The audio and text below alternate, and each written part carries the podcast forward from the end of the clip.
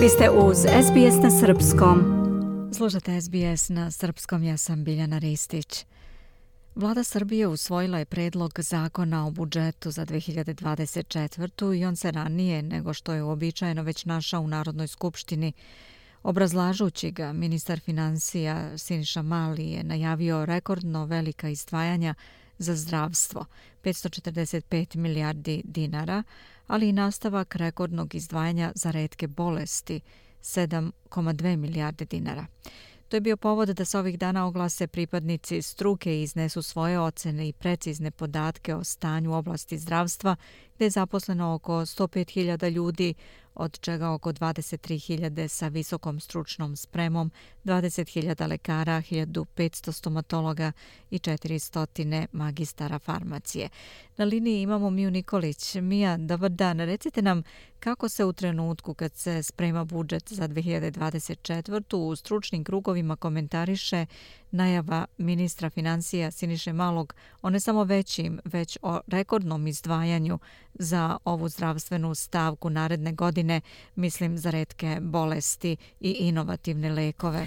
Stručnjaci se slažu da su poslednje godine u Srbiji nesporno učinjeni značajni pomaci u poboljšanju infrastrukture, kupovini savremene opreme i tehnologije, uvođenju integrisanog zdravstvenog informacijonog sistema i lečenju redkih bolesti.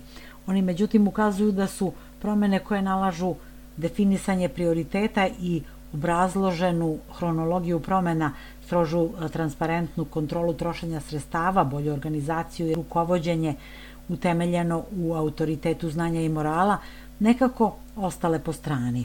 Kao rezultat toga od početka 90-ih održavaju se, kako piše politika, pa i umnožavaju brojni problemi srpskog zdravstva. Nedovoljno dobri rezultati u oblasti promocije zdravstva i sprečavanja bolesti, neujednačeni ishodi lečenja, višemesečno pa i višegodišnje čekanje na diagnostičke procedure i lečenje, nepovezanost pružaoca, usluga, korupcija, ali i drugi e, dubinski problemi koji nisu vidljivi za širu zajednicu.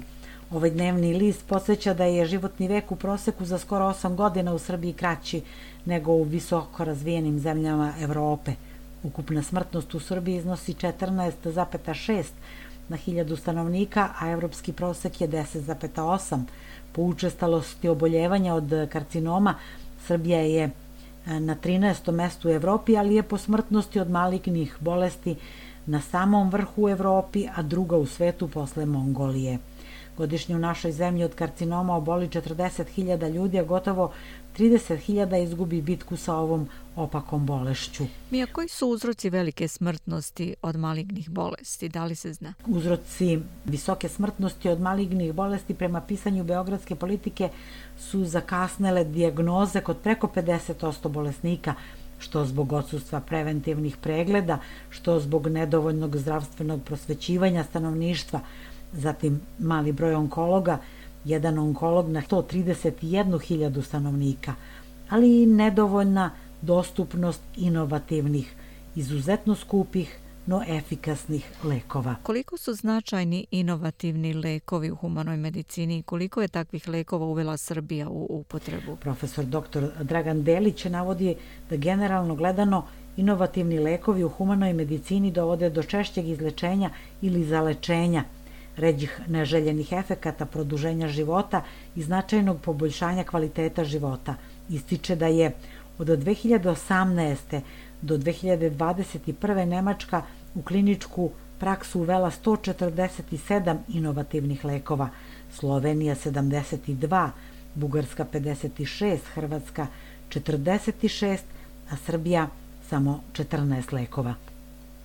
To je svega 8% od ukupnog broja inovativnih lekova koje je odobrila Europska unija, a kojih je 168. Iznosi podatke da prosečno vreme koje protekne od registracije inovativnog leka do ulaska na takozvanu pozitivnu listu, to jest lečenje o trošku Republičkog fonda za zdravstveno osiguranje, u Srbiji iznosi 811 dana, u Hrvatskoj 499, a u Nemačkoj samo 128 dana. A Mija, koliko je inovativnih lekova na listi čekanja? Dr. Delić naglašava da je u ovom trenutku više od 80 inovativnih lekova na listi čekanja, a da tokom ove godine ni jedan inovativni lek nije stavljen na pozitivnu listu.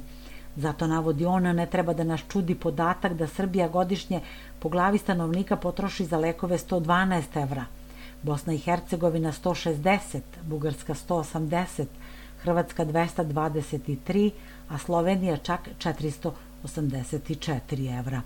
U brojnim evropskim zemljama dokazana je direktna uzročno-posledična veza između dostupnosti inovativnih lekova i rizika od umiranja.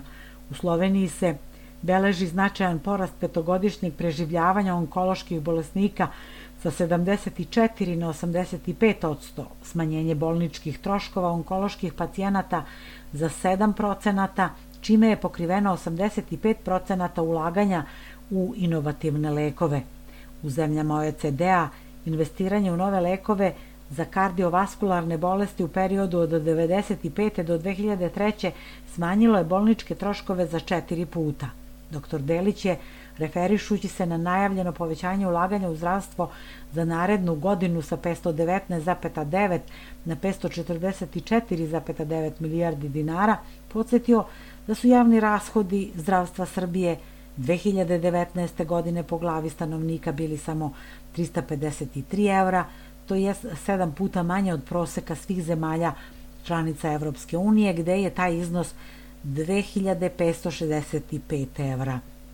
Bojan Trkulja iz Udruženja proizvođača inovativnih lekova i novija kaže da istraživanje koje se radi svake godine na nivou cele Evrope, a u kome i naša zemlja učestvuje poslednje decenije, pokazuje da je prema broju inovativnih lekova koji su u Srbiji ove 2023. nalaze na pozitivnoj listi, naš rezultat lošiji nego prošle godine. Savo Pilipović, predsednik Udruženja pacijenata obolelih od melanoma, navodi da su ove 23. godine bila najavljena ulaganja više desetina miliona evra u inovativne lekove za koje se e, tvrdilo da će se na listi RFZO-a naći početkom 24. ali da je negde došlo do kuršlusa, da je neko zaustavio sredstva ili ih preusmerio, kaže da su tražili prijem kod svih državnih predvodnika, ali da im niko nije odgovorio ni iz vrha vlasti, ni iz Ministarstva zdravlja. Biljana? I toliko za danas. Hvala. Bilo je to naša saradnica iz Srbije, Mija Nikolić. Slušate program na srpskom. Želite da čujete još priča poput ove? Slušajte nas na Apple Podcast, Google Podcast, Spotify ili odakle god slušate podcast.